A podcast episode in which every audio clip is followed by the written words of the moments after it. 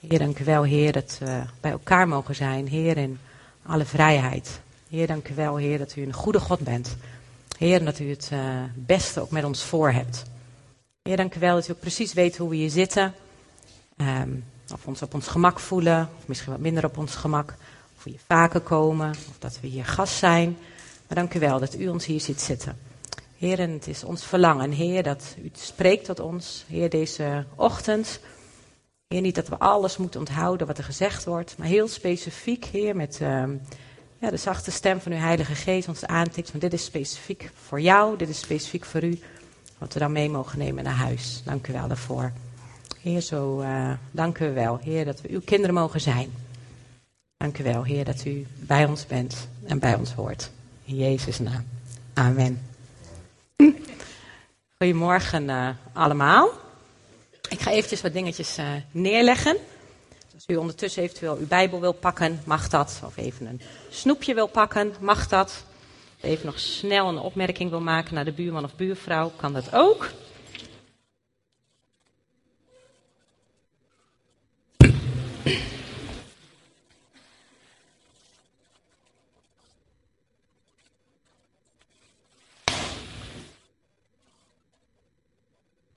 Zo. Nou, voor degenen die mij uh, niet kennen, ik ben uh, Tamara Meijerink, getrouwd met uh, John. We hebben vier mooie kinderen. En vandaag de eer aan mij om wat met jullie te mogen delen. Ik heb lang gedacht, waar zullen we het over hebben? Het is moederdag, moeten we daar iets mee doen? Hè, het is opdrachtdienst, doen we daar iets mee? Maar uiteindelijk moest ik eigenlijk denken aan de volgende woorden. En ik ga ze jullie vertellen. Eerst eventjes in het uh, Grieks en in het Latijn en in het Hebreeuws. En dan ben ik benieuwd of jullie weten welk woord dat is. Als je het al weet, niet direct zeggen, want dan kan iedereen even nadenken. Um, ik weet niet of ik het goed uitspreek, maar in het Latijn is het benedicere of benedikkere, benedissere misschien wel. Barach is het Hebreeuwse woord en eulogia is het Griekse woord. Dan ben ik benieuwd. Zijn er hier mensen om ons die zeggen, oh, dan weet ik al waar het over gaat vanmorgen. Logica, ik hoop wel dat het logisch zal klinken trouwens, ja, vandaag. Grappig, hè? Nee, zegt jullie niks? Nou, het zijn mij ook niks hoor, dus uh, wees niet bang. Dat is het leuk als je preekt en dan ga je je erin verdiepen. En dan kom je soms heel slim en intelligent over. Maar uiteindelijk uh, is het gewoon dat ik mij er deze week in verdiept heb. Ja, zegen, hartstikke goed. Zegen. Want ik moest eraan denken, goh, zegen. Vanmorgen hebben we een zegen gebeden, speciaal voor Aaron en zijn ouders. En alle moeders zijn vanmorgen gezegend. En zegen is zo'n woord wat we heel veel gebruiken. Tenminste, wij als christenen onderling. het wordt denk ik ook wel gebruikt als uh, gezegde, hè, mijn zegen heb je. En ik dacht, goh, wat is nou eigenlijk dat woord zegen? Nou, en daar neem ik jullie mee op een reis eigenlijk door de Bijbel. Van, goh, wat heeft nou God bedoeld met zegen? Zijn wij gezegend? Waarom zijn we gezegend? Ja, waarom zijn we gezegend eigenlijk? En wat doen we daarmee?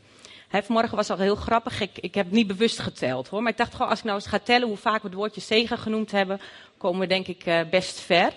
En ik zelf probeer het ook wel vaak uh, te, te, gebruiken. Weet je, als ik iemand een sms'je of een appje stuur, dan twijfel ik wel eens, zal ik nou neertikken succes of zegen? Ja, zegen klinkt wat geestelijker. Dus dan gebruiken we soms wel het woordje zegen in plaats van succes. Ik weet nog wel, heel lang geleden ging iemand die ik ken een keer taarten bakken. En ik zei, nou succes ermee. Nee, nee, je moet me zegen toewensen. Ik dacht, oeh, oké, zegen. Maar dat klinkt iets meer gedragen, hè? iets meer, ja, ik kan het juiste woord eigenlijk niet van vinden. Daar komt het op neer. Dat zullen jullie vanmorgen wel brengen. Maar ik vind het woord zegen is gewoon iets heel moois, wat volgens mij niet eens goed uit te drukken is. Nou, in het Latijn bestaat er uit twee woorden. Benen, dat is dan goed. En dikkere of dissere, of hoe je het ook maar uitspreekt, is zeggen of toewensen. Dus als je zegent of iemand zegent, wens je iemand het goede toe. Wauw. Maar als ik zeg tegen iemand, ik wens jou het goede toe, of ik zegen jou, voelt dat toch wel weer een beetje anders, hè? Maar zegenen is niks anders dan iemand het goede toewensen. Als ik zou vragen aan jullie allemaal, wie van jullie is er gezegend? Ja, sommigen denken, weet ik niet, moet ik mijn vinger opsteken. Je weet maar nooit wat ze daarmee dan vervolgens gaat vragen. Ik denk dat we allemaal gezegend zijn. Wat we daar ook maar precies onder verstaan. Maar mijn vraag vanmorgen is eigenlijk een beetje: wat doen we nou met die zegen die we gekregen hebben? Doen we daar iets mee? Moeten we daar iets mee? Nou, daar gaan we eens even iets verder op in met elkaar. God zelf heeft zegen bedacht. Hij was de eerste die de zegen uitsprak. Nou, en ik ga jullie meenemen op een reis door de Bijbel. Even een beetje zo. En ik heb twee uh, heren, twee knappe jongens gevraagd om mij te helpen vanmorgen. Jaroa en Dion. ik zei het is wel zo dat je dus de hele preek van mij hier moet zitten. Nou, dat vonden ze goed. Even kijken. Als jij deze, als jij helemaal aan die kant wil gaan zitten, Dion. Voor degenen die mij nog niet kennen, ik hou er heel erg van om alles visueel te maken. Want dan ben ik ervan overtuigd dat je iets beter mijn preek onthoudt dan als het alleen maar door het horen is. Ja? Oké. Gaan we beginnen te lezen in Genesis 1. Mocht je een Bijbel bij je hebben, of de iPhone, of de telefoon, gaan we dat doen. Nou, dan mogen jullie hem zo omhoog houden hoor. Mag nu ook wel, maar zo omhoog.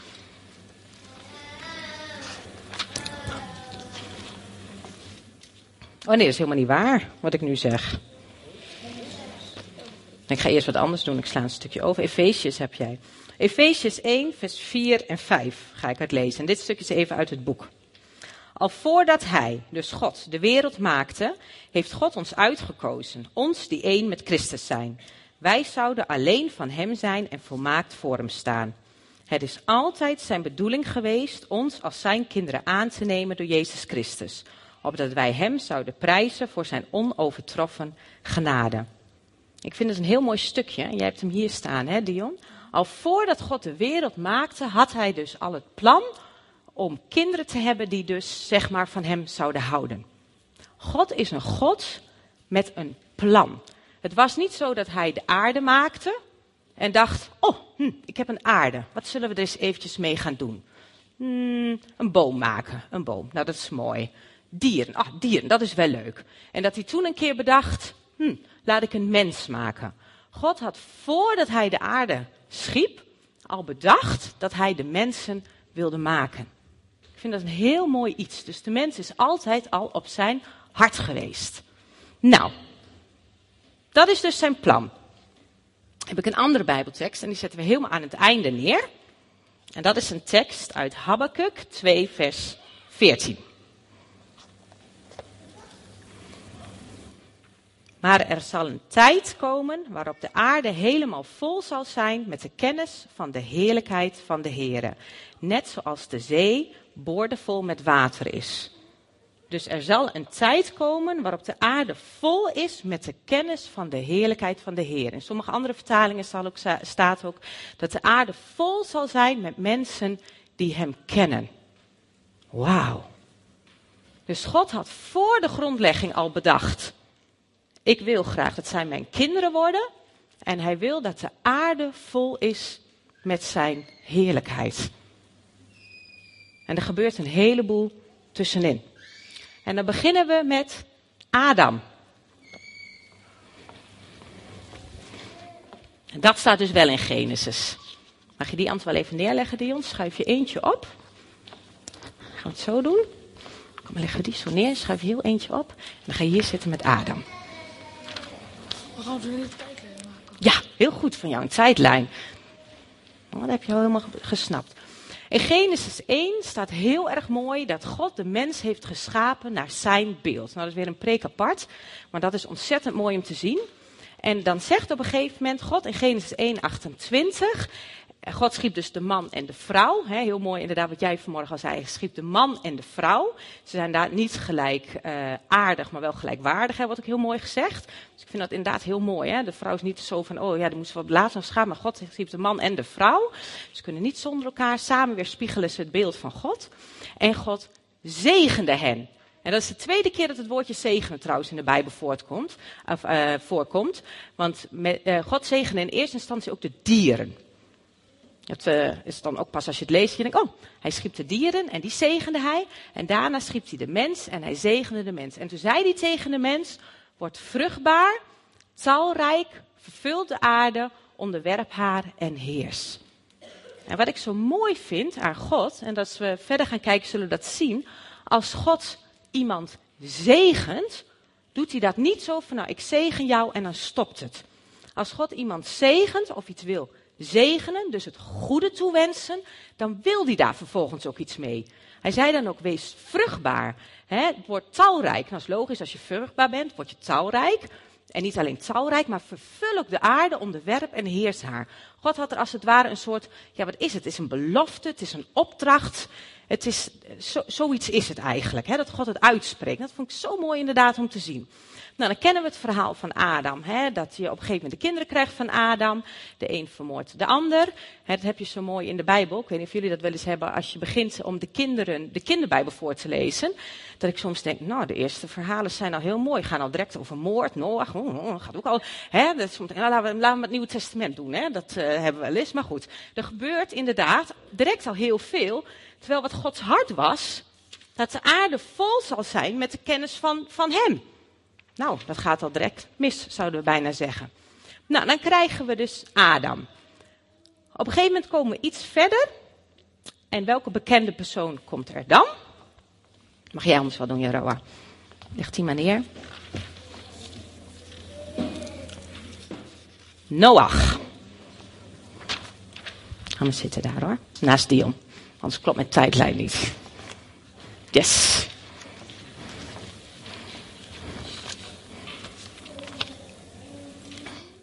En uh, wil ik een heel klein stukje even pakken uit Genesis 6, vers 1.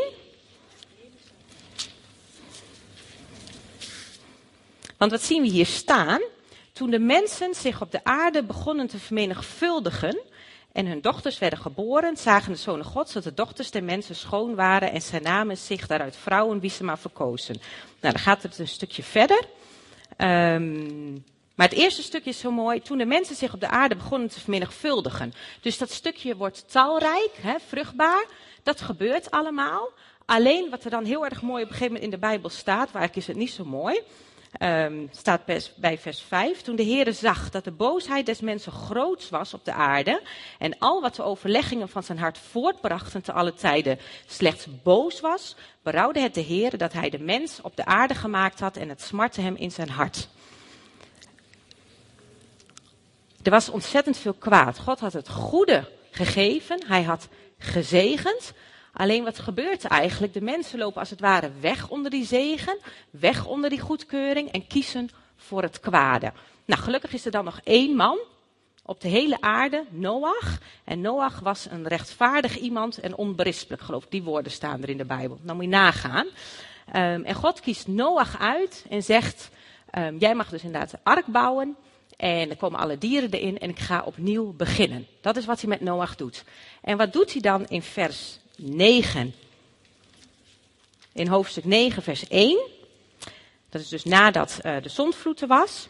En God zegende Noach en zijn zonen. En zeide tot hen, wees vruchtbaar, word talrijk en vervult de aarde. Opnieuw geeft God die opdracht, de zegen en die opdracht, wordt vruchtbaar, talrijk en vervult de aarde. Het leek alsof het even helemaal weg was allemaal. Er was alleen maar kwaad en noem maar op. Maar God zegt, jou kies ik uit. En de belofte blijft gelden dat ik wil dat iedereen mij leert kennen. Ik kies Noach uit en opnieuw geef ik hem deze belofte. Nou, ik ken het verhaal inderdaad naar Noach. Uh, ik denk dat zijn zonen misschien nog God volgden, maar dat kabbelde allemaal een beetje weg. En toen kwam er iemand anders tevoorschijn. Mag jij wel weer doen, Dion? Mag jij weer aan die kant? Als je zitten. Dat is Abraham. En het stukje trouwens wat je nog hebt tussen Noach en Abraham is de toren van Babel. En uh, wat er heel mooi staat in de toren van Babel is, uh, even kijken hoor, uh, eh, 11 vers 1, Genesis 11 vers 1. De hele aarde was nu één taal en één van spraak. Toen ze oostwaarts trokken, vonden zij een vlakte in het land Sinaa, waar ze zich vestigden. En ze zeiden tot elkaar, wel aan, laten we tichelen maken en die goed bakken. En de tegel diende hun tot steen en de asfalt diende hun tot leem. Ook zeiden ze wel aan, laten we een stad bouwen met een toren, waarvan de top tot de hemel reikt.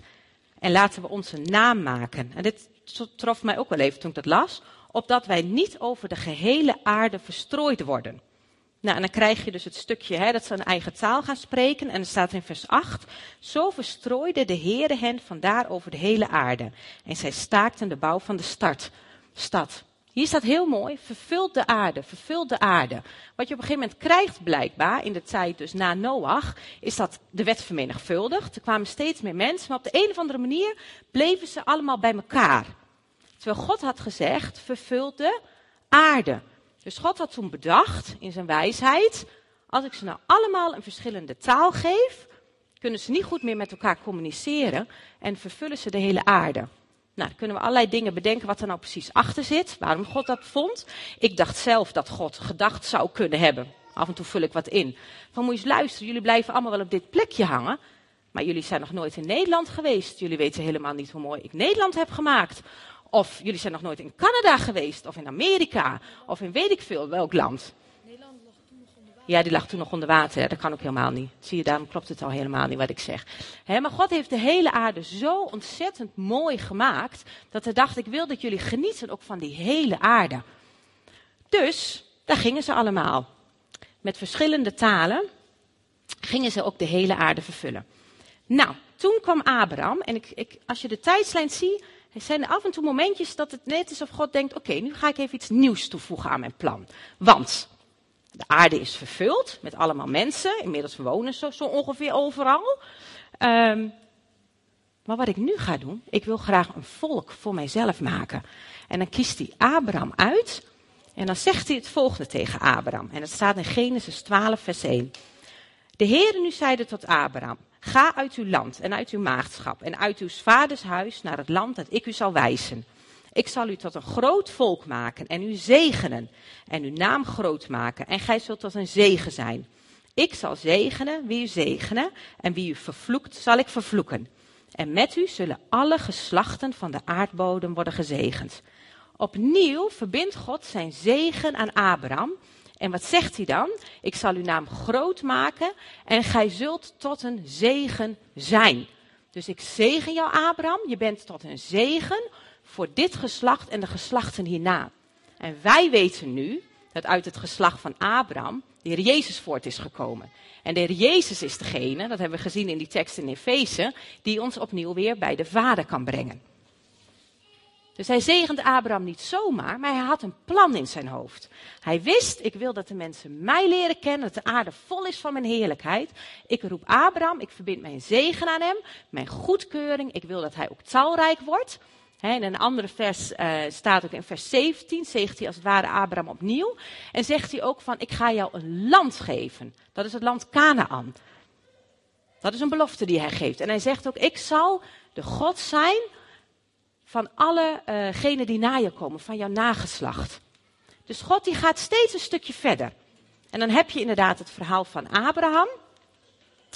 Um, en Abraham heeft denk ik ontzettend veel meegemaakt. En het bijzondere vond ik wel, ook bij Abraham, dat zie je wel vaker, um, ook verderop in de lijn, toen hij dat zei over nageslacht, over land, had hij al een nageslacht. Nee, nog niet bij zijn vrouw Sarai. Dus God sprak iets uit waarvan hij misschien gedacht zou hebben: een nageslacht. U zegent mij, een eigen land. een nageslacht zo groot als de sterren.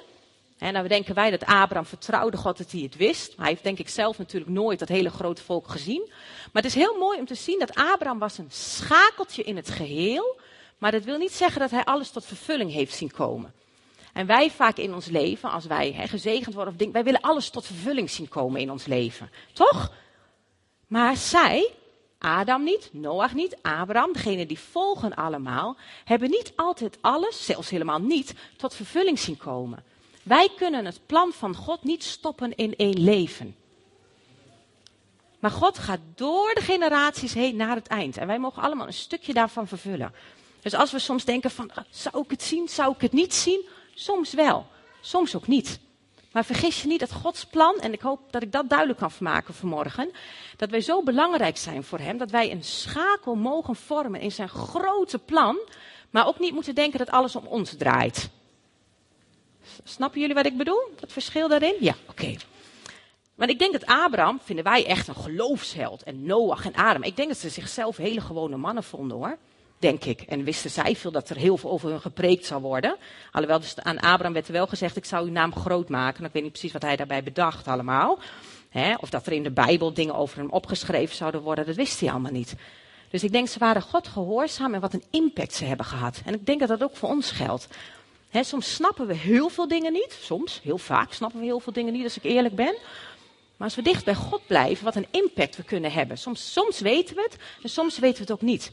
Maar nogmaals, het draait niet om ons, maar het draait om het plan dat God heeft. En wat een voorrecht dat Hij ons daarin wil gebruiken. Nou, dat was onze Abraham. Nou, dan gaan we even een iets snellere vogelvlucht maken. Jaro, als jij deze even weer wil doen. Dus even aan deze kant weer van Dion wil gaan zitten. Dan komt Isaac, de zoon van Abraham. Jacob, daar weer een zoon van. En ook aan hun heeft God de belofte uitgesproken. Ik ben de God van Abraham, Isaac en Jacob. Ik maak je tot een groot volk.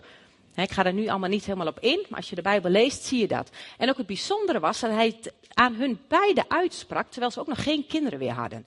Hij wordt talrijk, wordt dit talrijk. Ik heb nog niet eens kinderen. Maar dat ze wisten, ik zegen jou en dit gaat ook inderdaad gebeuren. Het volk, wat God had gezegd, ik ga je inderdaad een nageslacht geven. Een volk wordt steeds meer een volk. Hè, Isaac en dan komt Jacob, die had dan al twaalf zonen. Nou, dan krijg je op een gegeven moment het verhaal, dat vond ik ook wel een mooie. Dit is het beloofde land. Beloofde land, worden ze met z'n allen naar Egypte gebracht. Ik kan me goed voorstellen dat misschien iemand van hun, weet ik niet hoor, vul ik het weer even in, wel eens gedacht heeft, hé, God heeft ons het land Canaan beloofd, maar we zitten nu al heel lang in Egypte. Klopt dat wel? En ik denk dat heel veel van hun, zeker van het nageslacht, moet ik het even goed zeggen, van Jozef gedacht heeft: Goh, mijn ouders vertelden altijd het verhaal dat God tot Abraham gesproken had.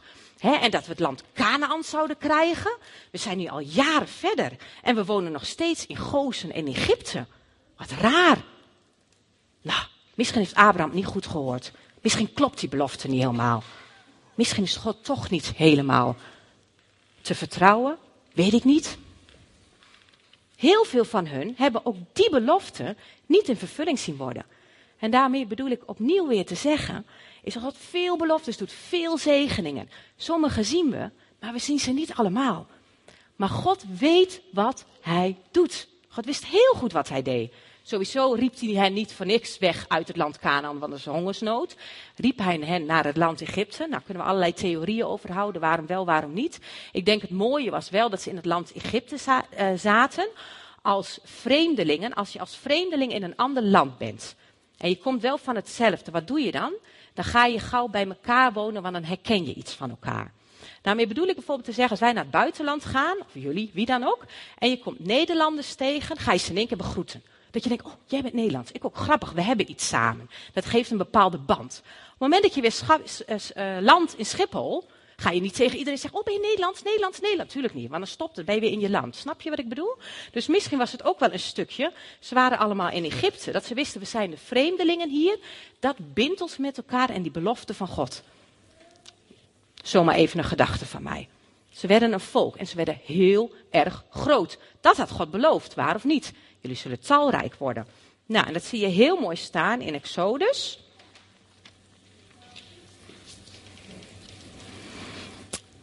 Um, ehm, 1, vers 7. Dus dan zaten ze nog in het land uh, Egypte. De Israëlieten nu waren vruchtbaar en breidden zich snel uit. Zij vermenigvuldigden zich en werden uitermate talrijk, zodat het land met hen vervuld werd. Dat had God Abraham beloofd. Ik maak je tot een groot nageslacht. Nou, hier was dat stukje al helemaal zichtbaar. Nou, dan krijg je Mozes. En dat verhaal kennen we ook allemaal. Dat Mozes geroepen wordt. En wat zegt God ook tegen Mozes? Ik ben de God van je vader Abraham, Isaac en Jacob. En wat ik aan hun beloofd heb, is het beloofde land. En ik ga ze weer terug meenemen naar het land Canaan. Nou, dan krijg je natuurlijk het hele verhaal van Mozes. Oh, maar ik niet, want ik kan niet praten, dit lukt mij allemaal niet. Komt zijn broer Aaron komt mee, dan maken ze heel veel mooie wonderen maken ze mee. Maar ik kan me ook best voorstellen dat in dat hele verhaal, hè, want wij weten hoe het eindigt, hè, vergis je niet, wij weten hoe verhalen eindigen. Hè, in de hele periode in de woestijn Mozes geregeld gedacht zou kunnen hebben: Nou, u heeft mij wel geroepen en uw zegen verbonden aan mij. En ik mag een stukje deel uitmaken van hè, uw hele plan. Maar ik zie het niet altijd. Ik heb het verhaal van Mozes wel eens gelezen en ik heb ontzettend veel bewondering voor hem. Dat hij een leider is. En als je leest hoeveel hij over zich heen gekregen heeft van dat volk. Hadden ze weer een wonder meegemaakt. Nou, allemaal weer glorie, halleluja, om het even in onze taal te zeggen. En dan was er inderdaad, viel er weer iets tegen en dan had Mozes dat allemaal weer gedaan. Als ik Mozes was geweest, had ik al lang het beltje er mij neergegooid. En nota bene is Mozes dan ook nog degene die niet eens in het beloofde land komt ook nog. Dus hij heeft lang niet alles gezien. Het land Canaan heeft hij van een afstand gezien. Soms denk ik wel, hoe zou, hoe zou hij zich gevoeld hebben? Hè? Ik denk, hij was ook gewoon mens. Maar ik weet wel dat hij wist, God gaat door met zijn plan. En dit volk gaat het land Canaan in. Nou, vervolgens trokken ze dus met z'n allen het land Canaan in. Oh ja, wat ik ook nog wil vertellen over Mozes, dat is ook een hele mooie. Wat God doet dus met Mozes, dan heeft hij dus het volk apart en dan gaat hij alle wetten geven. Dan gaat hij vertellen hoe het volk zich moet gedragen, als het ware. Dus het wordt een volk, hè, dit mag je wel doen, dit mag je niet doen. Hè, um, het is heel erg mooi om te lezen. En um, wat je ook verschillende keren hierbij ziet, is dat hij ook zegt tegen Mozes, tegen het volk, alle wonderen die jullie zien, wil ik hebben dat jullie dat vertellen aan het volgende geslacht. Want we zijn nog niet op het eindpunt. En God wil nog steeds dat vanaf hier er iets gebeurt aan het eindpunt. Dat de aarde vol zal zijn met de kennis van de Heer. Dus vertel alle wonderen. Vertel alles aan je nageslacht wat er is gebeurd. De wetten en noem maar op. Maar dan zal ik jullie God blijven.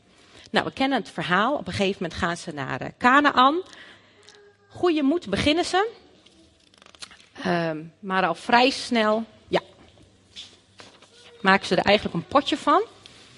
En wat eigenlijk op een gegeven moment heel mooi uh, omschreven staat. Um, ergens in een boek, ik weet even zo niet meer uit mijn hoofd welke, maar hier um, staat heel mooi omschreven, is dat ze op een gegeven moment God niet meer dienden, omdat um, de kinderen die toen geboren werden niet meer wisten wat, wie Abraham was, wie Isaac was, wie Jacob was, welke wonderen er meegemaakt werden. Dus wat is er gebeurd? Ergens hier, er zit natuurlijk heel wat jaar tussen, is dat er werd eerst verteld hè, van de kinderen van Mozes, kleinkinderen. Oh, we hebben geweldige dingen meegemaakt. Dit, dit en dit en dit en dit en zus en zo. Maar op een gegeven moment nam dat steeds verder af. En op een gegeven moment kwam er een generatie die gewoon God niet meer kende. Komt wel een beetje bekend voor, hè? Ja. Blijkbaar ergens hadden ze het niet meer doorverteld. En wat gingen ze doen? De Baal vereren. Nou, dan krijg je de richters, komen dan verschillende keren van jongens, denk eraan, de God van Abraham, Isaac en Jacob. Oh ja, dat was het. Nou, dan komen ze weer. Um, en zo gaat het een beetje op en af met zeg maar hoe zij dus God blijven dienen. Ik zou me ook goed voor kunnen stellen dat een van die richters af en toe dacht, God had dat grote plan en ik vertel hun wat, maar ze blijven zo koppig. Ze blijven altijd hun eigen ding doen. Best lastig volgens mij hoor, als je zo'n richter misschien was. Daar hebben wij ook hele mooie Bijbelverhalen over. Ik kan me best voorstellen dat het af en toe best voor hun lastig was. Maar dat God inderdaad bleef zeggen: Jij maakt onderdeel uit van een plan. Je ziet misschien niet alles al, maar als je mij gehoorzaamt, uh, ik ben onderdeel van een plan. Maar ik wil dat de aarde vol zal zijn met de heerlijkheid van God. Dan krijgen we de profeten. Nou, dat vind ik zelf erg moeilijke boeken, moet ik zeggen. Wij zijn zelf thuis bezig met die samenleesbijbel aan het lezen. Voor degenen die die kennen. Prachtig uh, omschreven. Um, heel erg verhalend. Ik ben begonnen in het Oude Testament. Ik ben nu bij de profeten, dus ik stop maar. Want ik denk, hm, ik, vind het zo, ik vind het gewoon een lastig boek, soms die profeten. Dus we zijn maar gegaan naar het Nieuwe Testament. Uh, maar wat ik wel heel mooi vind uit de profeten, is dat um, er heel veel hoop gesproken wordt. Er wordt gesproken over herstel. Er wordt heel erg veel verwezen naar de Heer Jezus. Hele mooie Bijbelverhalen, hele mooie gedeelten staan er ook in. Er staan ook heel veel gedeeltes in die ik misschien niet helemaal snap. Maar daarin weet ik weer, God had een plan en hij wist precies wat hij uh, moest doen. Nou, dan krijg je dus de profeten. Nou, en dan komt weer een heel mooi nieuw iets in Gods plan. Dat is deze. Dan komt de Heer Jezus. Waar de profeten al over gesproken hebben. En ik kan me ook heel goed voorstellen dat sommige van die profeten misschien al wel gedacht hebben van, oh, misschien ga ik de geboorte van de Heer Jezus wel meemaken. Oh, hij heeft het beloofd. Ik ga het meemaken. Het moet nu wel een keer gebeuren. Ik word ouder, ouder. Nee, ze hebben het helemaal niet meegemaakt. Maar toch verbond God zijn zegen aan hun, mochten ze erover vertellen. En God ging verder met zijn plan. Um, Lucas 1 pakken we er even bij.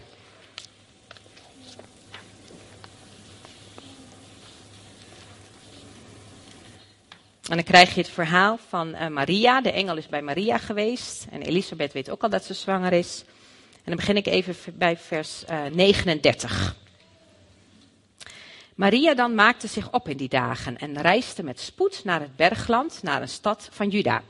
En zij ging het huis van Zacharias binnen en groette Elisabeth. En toen Elisabeth de groet van Maria hoorde, gebeurde het dat het kind opsprong in haar schoot. En Elisabeth werd vervuld met de Heilige Geest.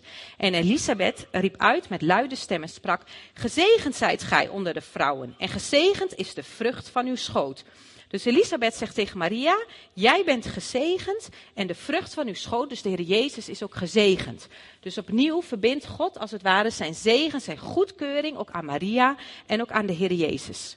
En als de Heer Jezus gedoopt wordt, is het denk ik een van de mooiste zegens die een vader kan uitspreken over zijn zoon of eventueel over zijn dochter. Gij zijt mijn zoon, zegt hij dan tegen de Heer Jezus in Lucas 3, vers 23. Grappig hè, om hier achter te zitten. De geliefde, in u heb ik mijn welbehagen. Wauw. Jij bent mijn zoon, geliefde, in u heb ik mijn welbehagen. Wat een zegen dat de Heer Jezus ook uitspreekt hè, op dat moment. Of wat God uitspreekt ook over zijn, uh, over zijn zoon. Nou, dan kennen we allemaal het verhaal dat de Heer Jezus aan het kruis gaat. En omdat de Heer Jezus voor onze zonde gestorven is, um, kunnen wij bij de Heer Jezus komen. En wat gebeurt er dan vervolgens?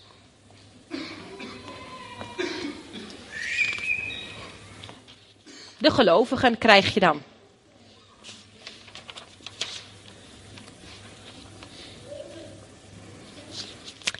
Um, even kijken. Gaan we weer terug naar Efeze 1. Dat had ik even uit het boek gepakt.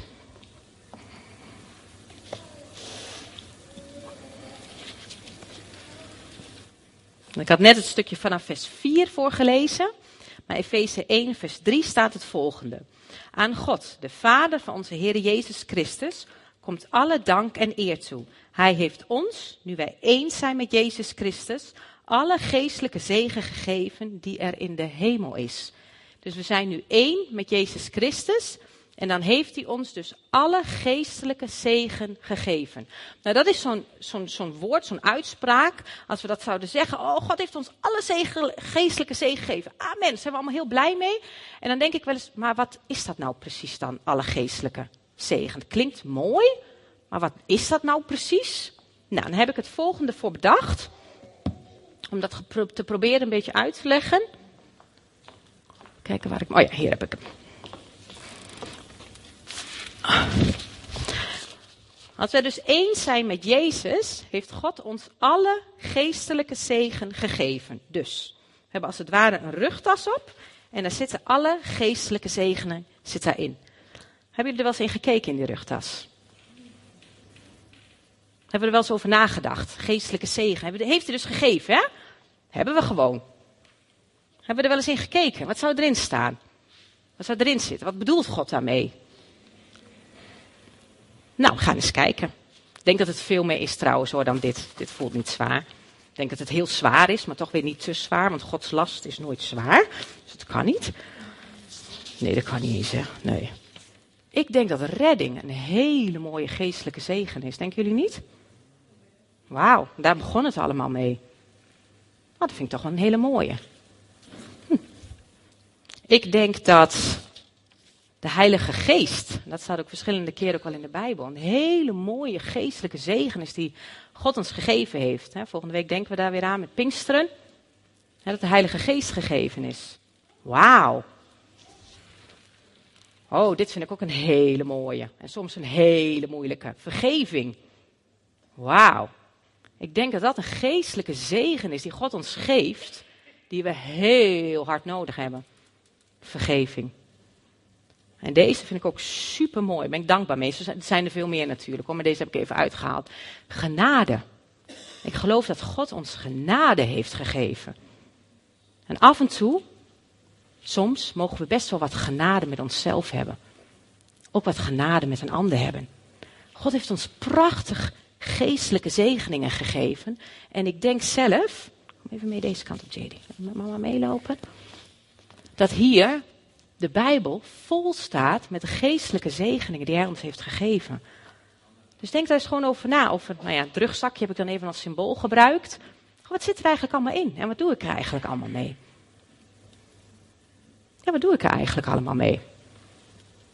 Goh, God heeft ons gezegend.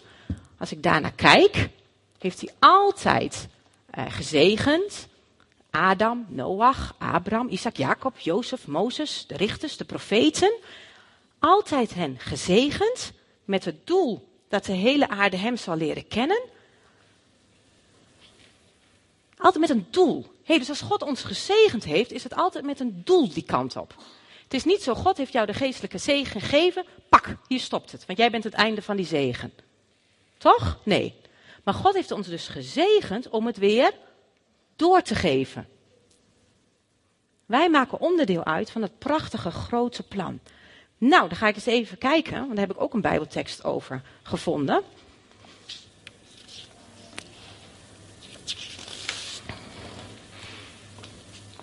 Ja, aan de beurt. In 1 Petrus 3, vers 9. Nou, die gaan we er eventjes weer bij halen. 1 Petrus 3, vers 9.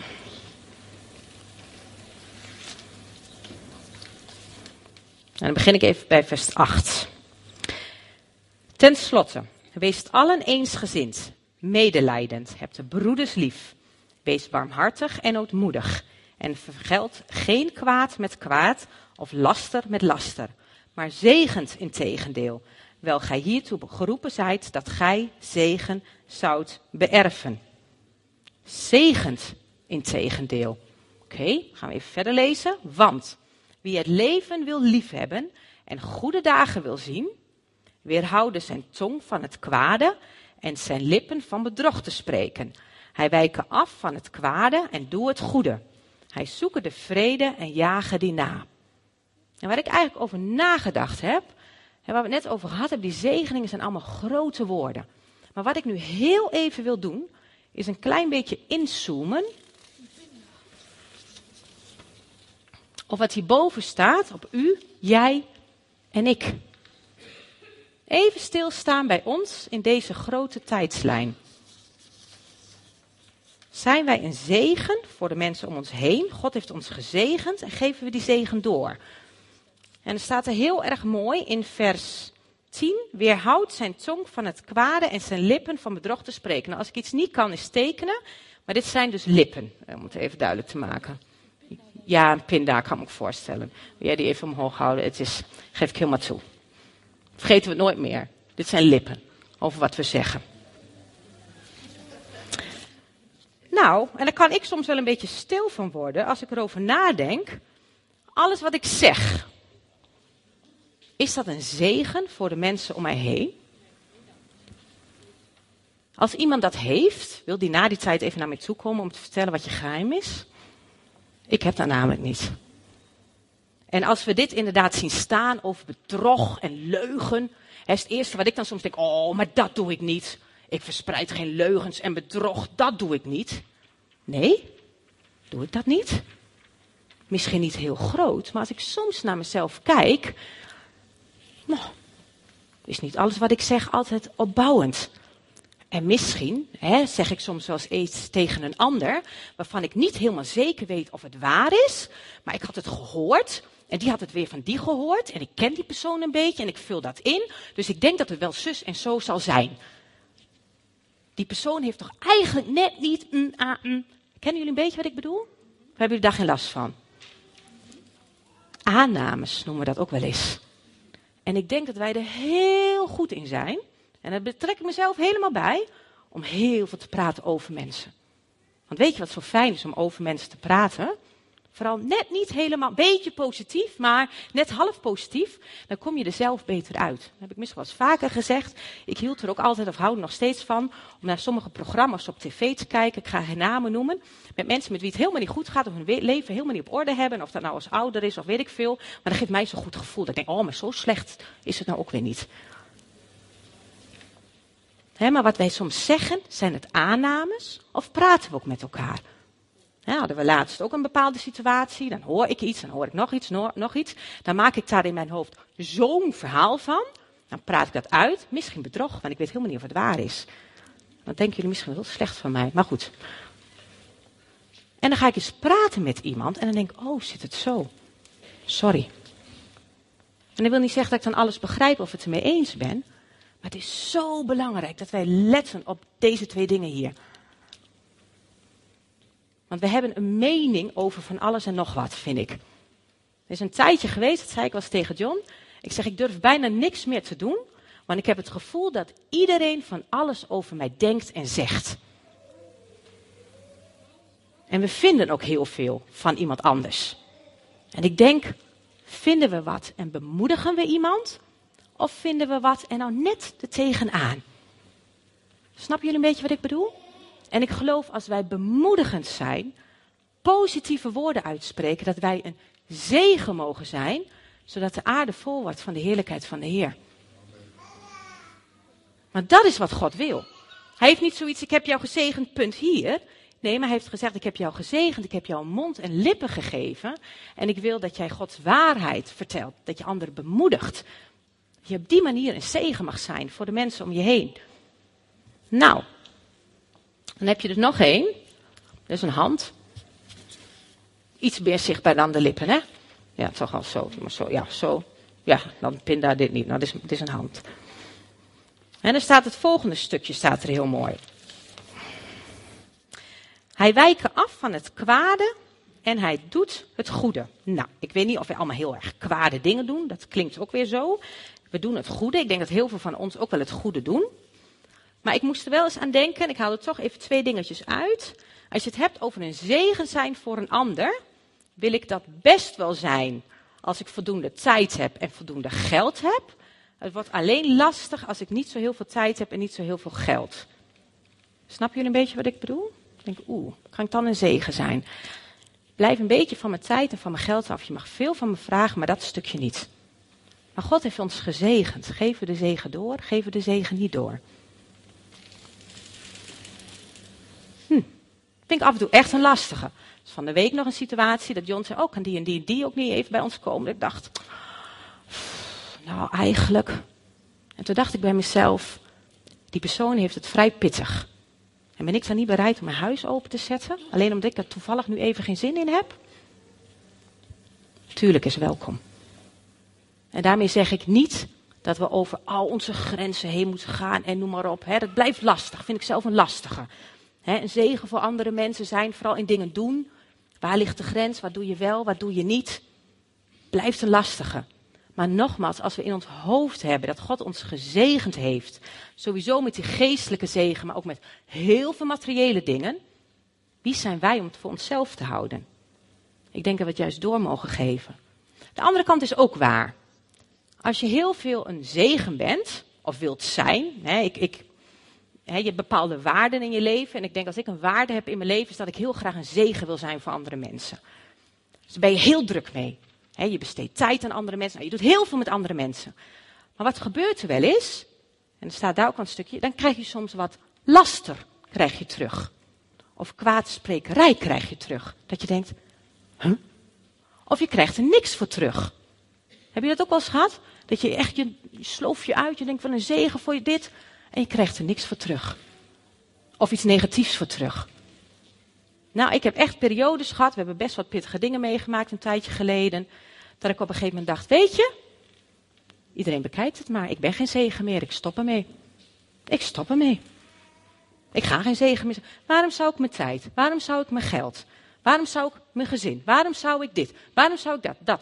Allemaal opofferen om een zegen te zijn voor andere mensen. En waarvoor doe ik het? Ik zie helemaal niet wat God had beloofd. Of wat hij wil. Vruchtbaarheid, hè, of grote dingen. Hè. Iedereen heeft het dan over grote, mooie dingen die gebeuren. Ik zie ze niet in mijn leven. Weg. Stop ermee. Dat kan ook een andere kant zijn. Dat ik dan naar mezelf toe ga om allereerst te kijken, oké, wat is de reden dat ik een zegen wil zijn? Wil ik een zegen zijn zodat ik een schouderklopje krijg? Dat is ook wat, hè? Want we zijn allemaal op zoek, laten we eerlijk zijn, naar goedkeuring van anderen. En als we dat een tijdje niet krijgen, hè, ben ik soms nou, stop er maar mee. Of in plaats van een schouderklopje krijg je een opmerking van iemand die zijn lipjes niet goed bewaart. Nou, dan heb ik het al helemaal gehad, zeg maar. Dat, zeg maar, snap je? Waarom wil ik een zegen zijn? Wil ik een zegen zijn omdat ik zelf gezegend ben? Dat is een heel ander uitgangspunt. En er staat ook heel mooi, en ik geloof ook echt in principe, omdat wij gezegend zijn, mogen wij zegenen. En niet andersom. Als wij zegenen, worden we gezegend. Ik geloof dat ook. Maar als dat mijn motivatie zou zijn, van als ik nou heel veel zegen, op welke gebied dan ook, word ik zelf ook gezegend. Als dat mijn motivatie is, kom ik denk ik gauw bedrogen uit. Ik geloof wel in dat principe. Ik geloof wel in principe dat als wij in zegen zijn, dat God ons zegen, maar dat moet niet mijn doel zijn. Snap jullie wat ik bedoel?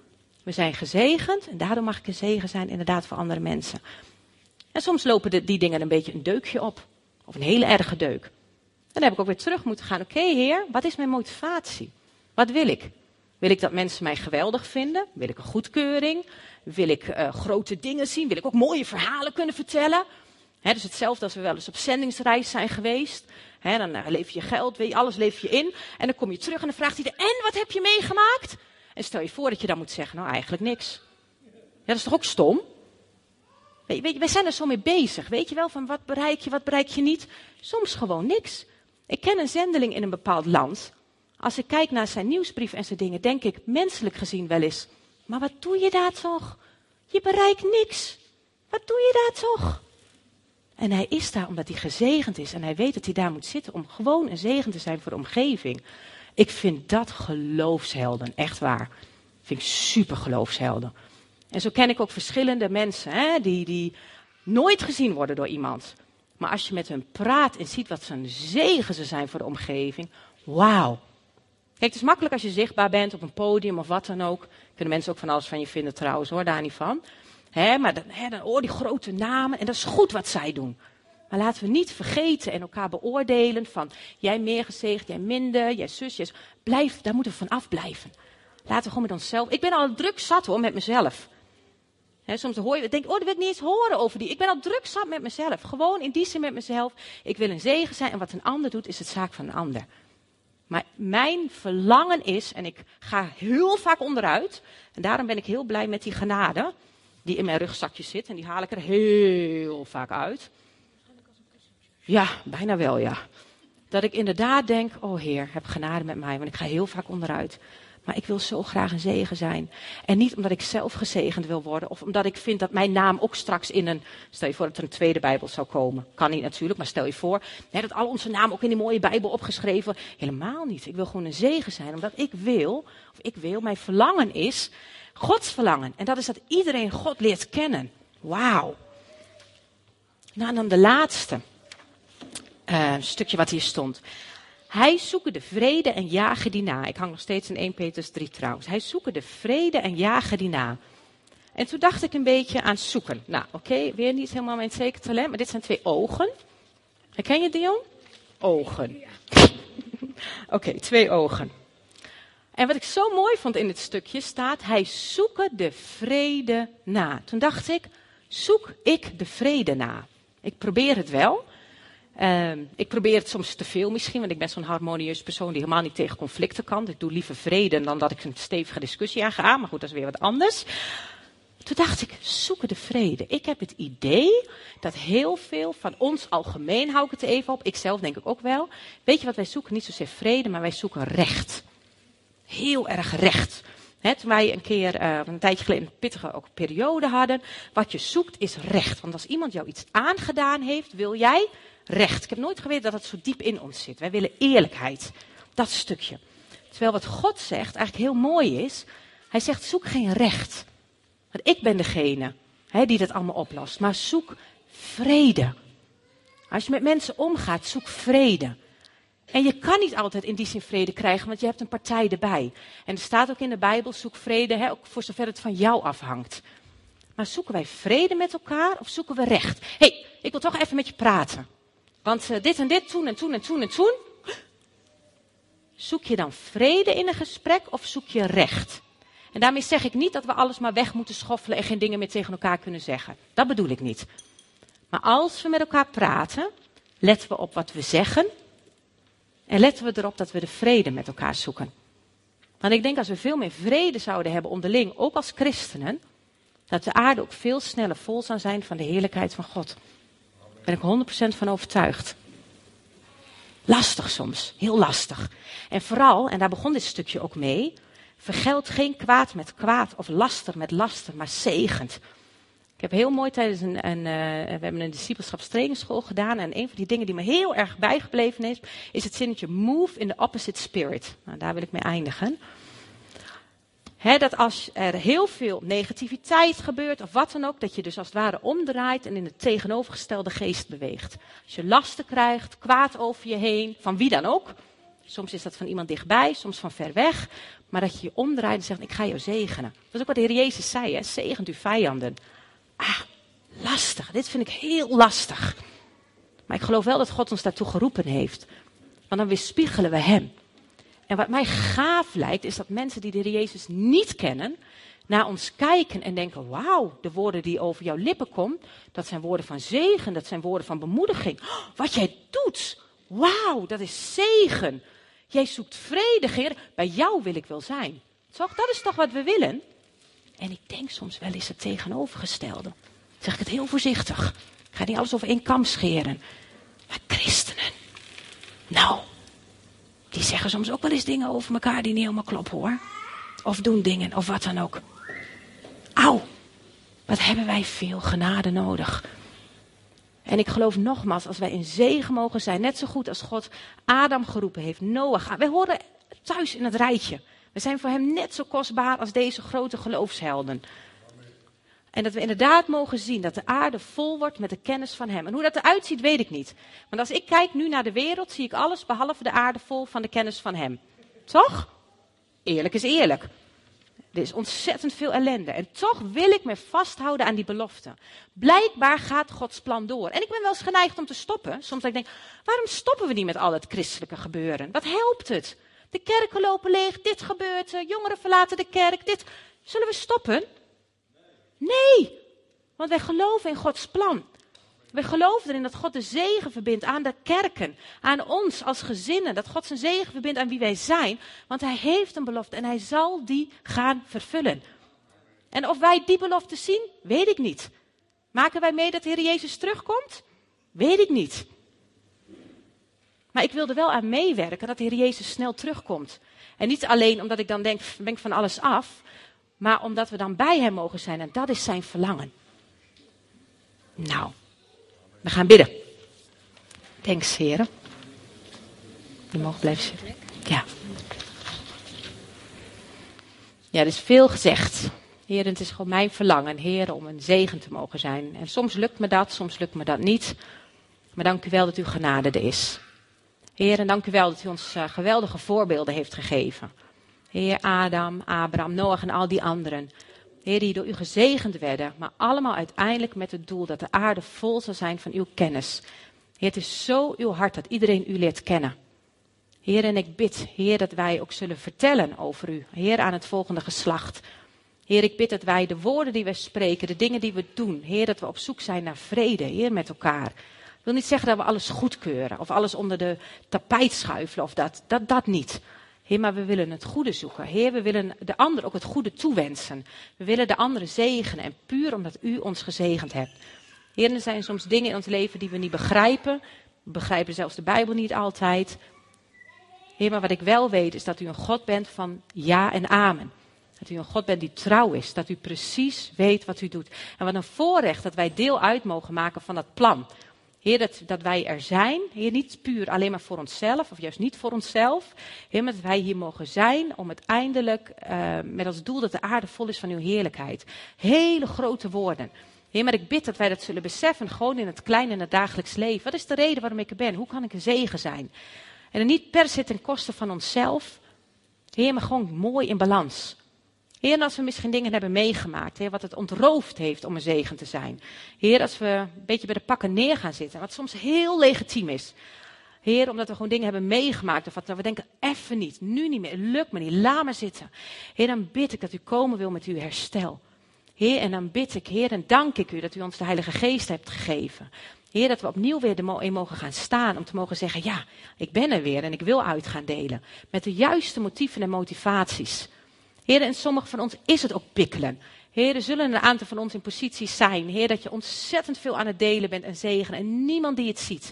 En dat je je inderdaad wel eens afvraagt van, Heer, waar bent u? Ik zie niet wat u belooft.